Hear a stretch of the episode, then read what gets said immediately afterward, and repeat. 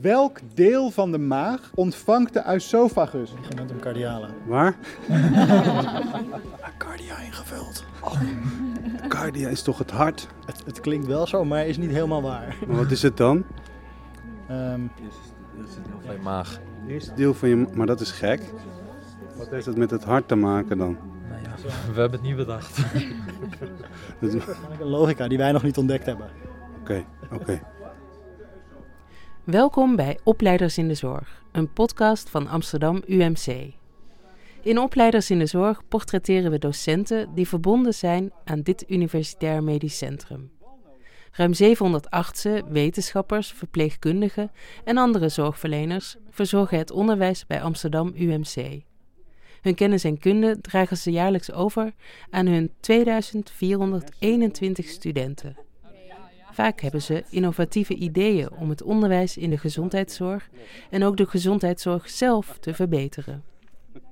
Hen vroegen we hoe de arts van de toekomst eruit moet zien en hoe ze het onderwijs voor studenten nog beter kunnen maken. In deze aflevering van Opleiders in de Zorg spreken we onder andere met Geert Schenk. We zijn op dit moment onderweg naar de ruimte waar veel microscopen staan. We zijn eh, op de dertiende verdieping van het O2-gebouw. Ja?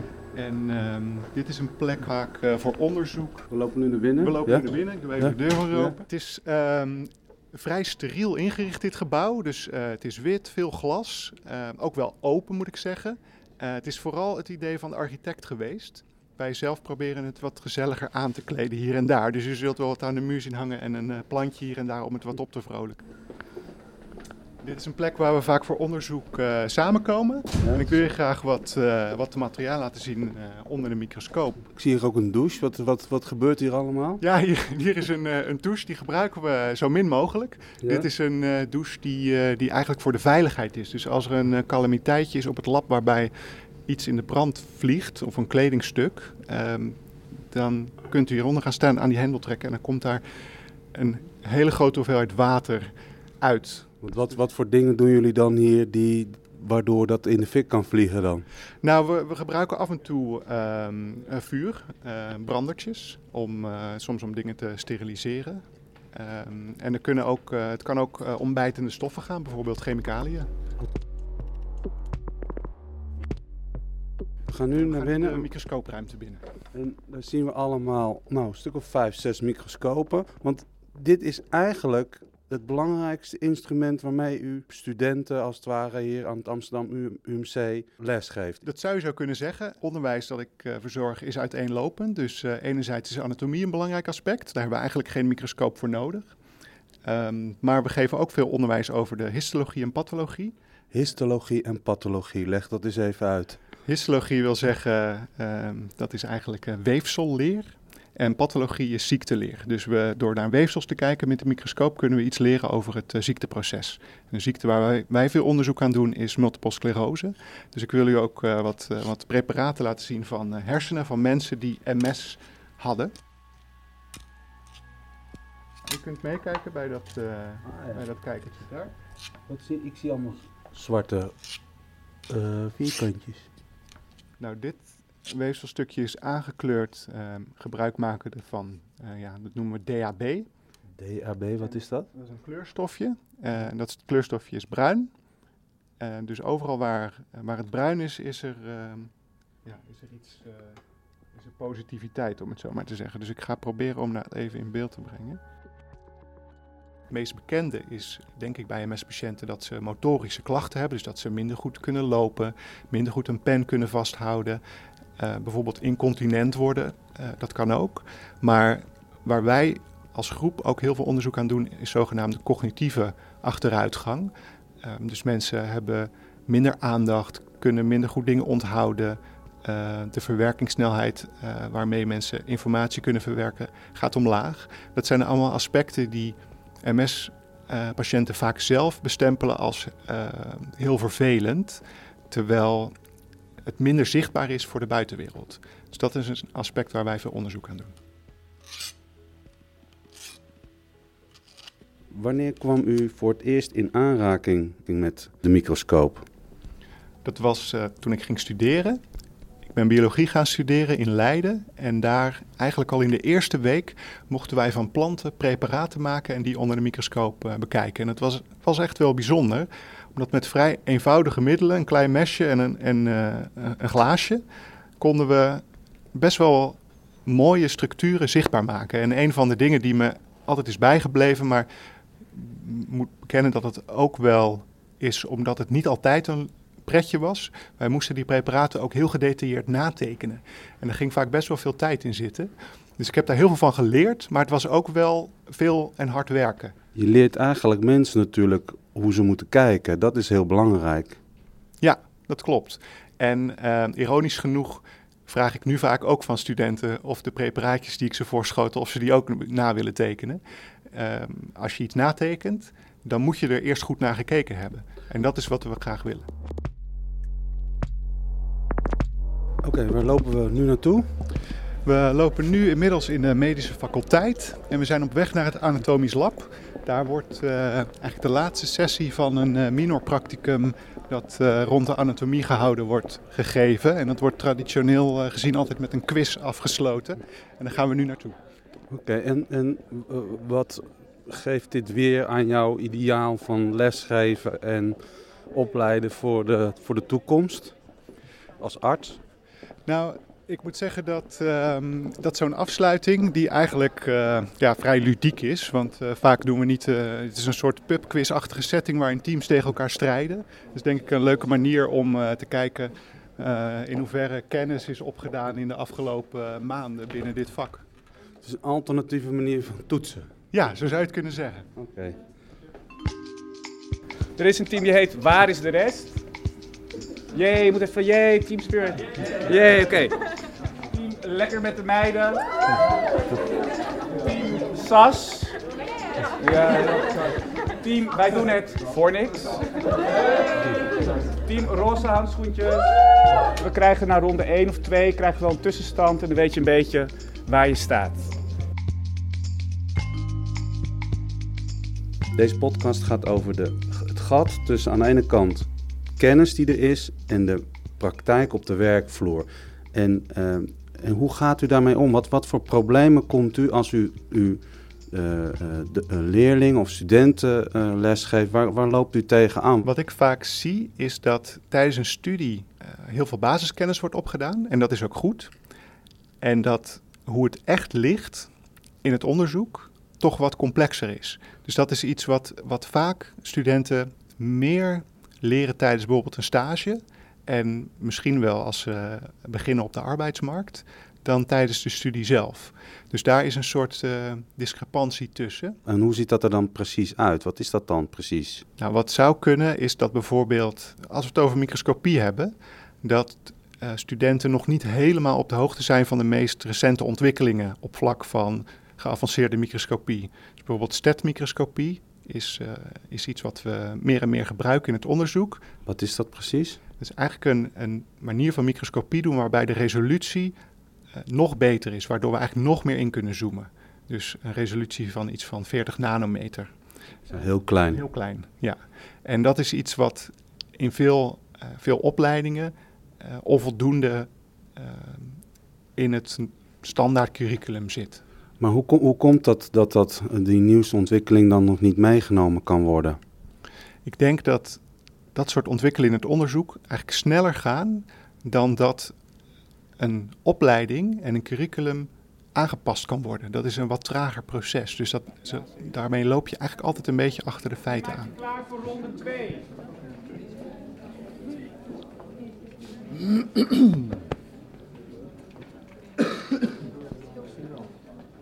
Ronde 2 is getiteld Daar orgaan we of No Guts, No Glory. Vraag 1. Ondertitel No Guts, No Glory. Vraag 1. Welk bloedvat heeft het grootste aandeel in toevoer van bloed naar de lever? Vraag 1. Welk bloedvat heeft het grootste aandeel in toevoer van bloed naar de lever? Is dit nou moeilijk? Ja. Moeilijk? ja. Wat is er nou moeilijk aan dan? Ja, het is een beetje weggezakt allemaal. Hoe kan dat? Het is geen multiple choice. Hebben jullie veel multiple choice vragen dan? In normaal tentamen altijd, ja. Oeh, dat maakt het wel een stukje makkelijker, of niet? Ja, weet u toevallig hoe deze ingang heet? Ik zie een groen dingetje met een ding. een- een- ik zie een darm. En, Oh, ze weet het al.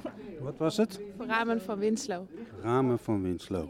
Vol. In welk deel van het mediastinum ligt het hart?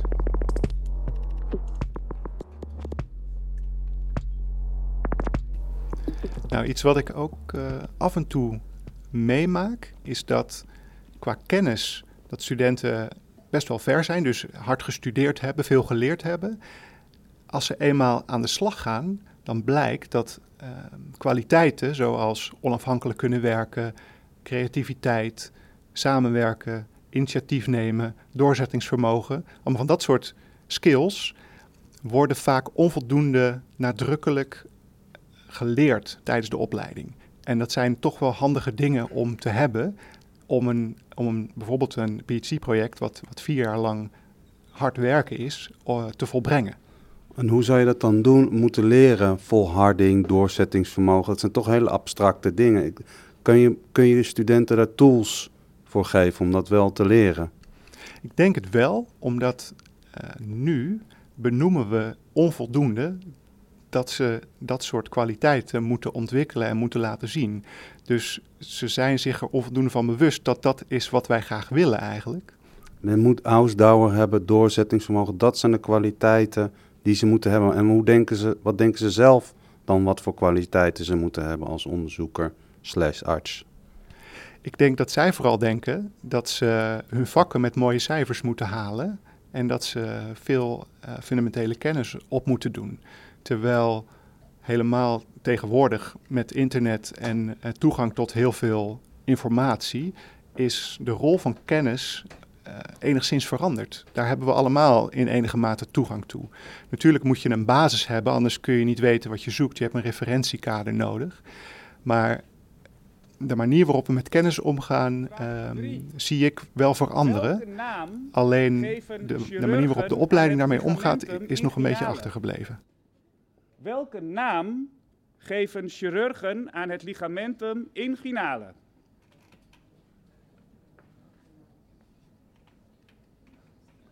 Vraag 3 is: welke naam geven chirurgen aan het ligamentum inguinale? Ja, dat is lang geleden allemaal. Ja? Moeten we op, op, ophalen, kennis ophalen. Ja, dat is de ultieme test dit nu, hè? Ja? Lukt het een beetje? Nou, het is wel moeilijk.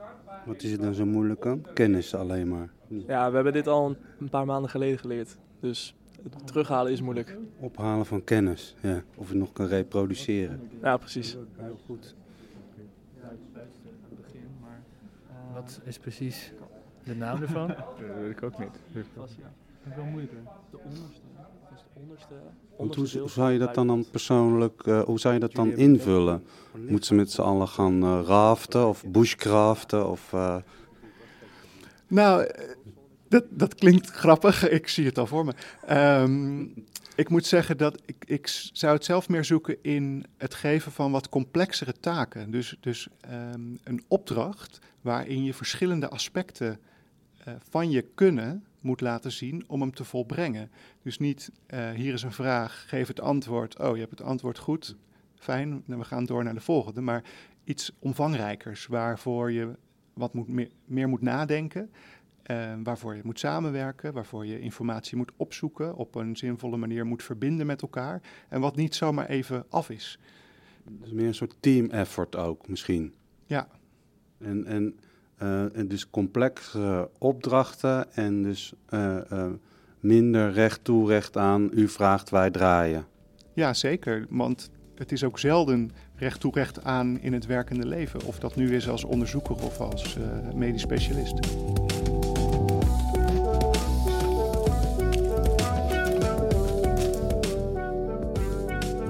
Gaan nu studenten halen. Het zijn eh, drie tweedejaars geneeskundestudenten.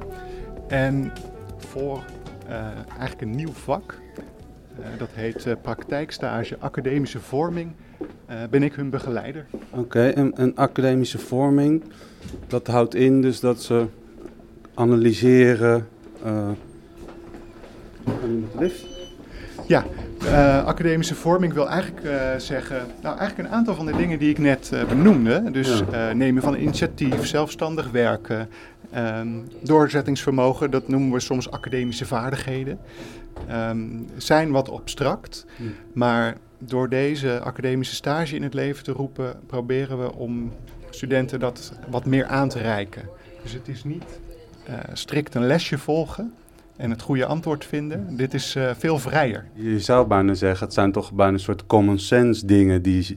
Of is dat niet zo, die je die leerlingen eh, probeert aan te, te leren? Doorzettingsvermogen. Dat zou je denken, maar dat blijkt dus niet zo te zijn. Want hoe komt dat dan dat dat niet vanzelfsprekend is? Ik denk dat, eh, dat studenten zich vooral focussen op, op andere dingen. Die, want ik ben ervan overtuigd dat studenten wel hard werken. Maar waar focussen ze zich dan op? Eh, halen van goede cijfers, tentamen halen. ehm, Ze zijn heel erg op de korte termijn gefocust. op een bepaalde manier, maar ook weer niet. Want cv-building bijvoorbeeld staat vaak ook hoog op het eh, prioriteitenlijstje. Ja. Nou, we lopen nu naar de gang.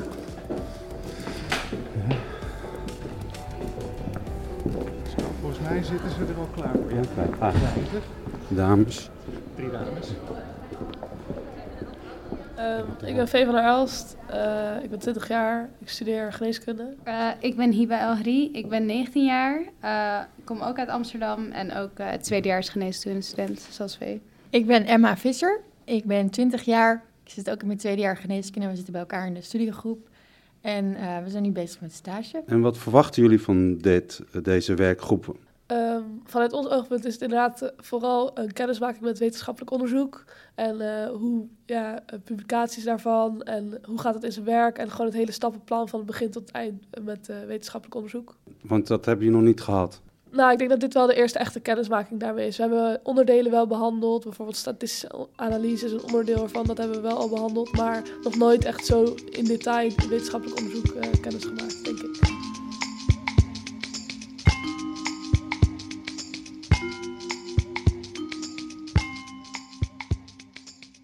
Wat is nou een goede arts voor jou?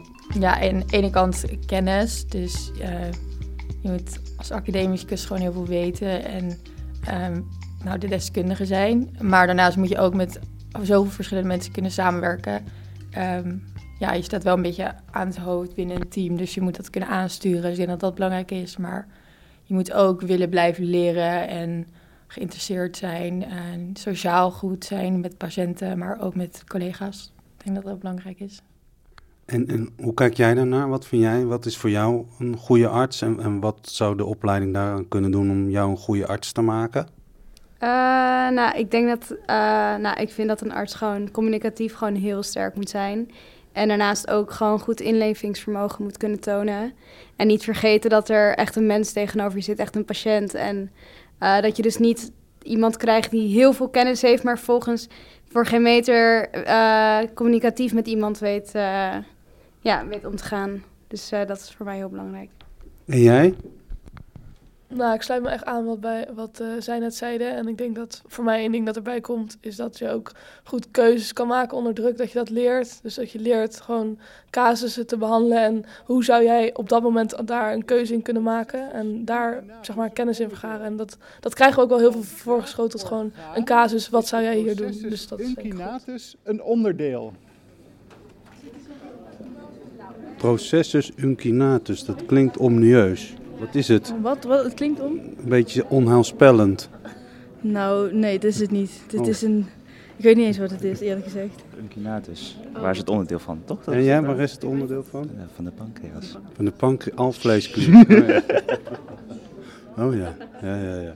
Wat maakt nou een goede arts? Hoe leid je als het ware nu een arts op voor anno 2020? Wat, is, wat moet die nou zijn? Wat, moet die, wat is het ideaalbeeld waar u naar streeft?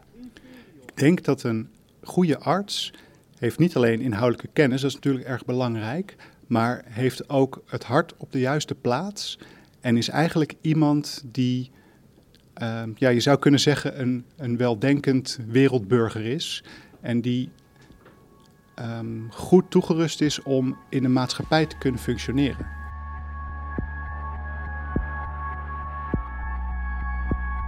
Dit was Opleiders in de Zorg. Deze podcast werd gemaakt door Bert Terhoeven.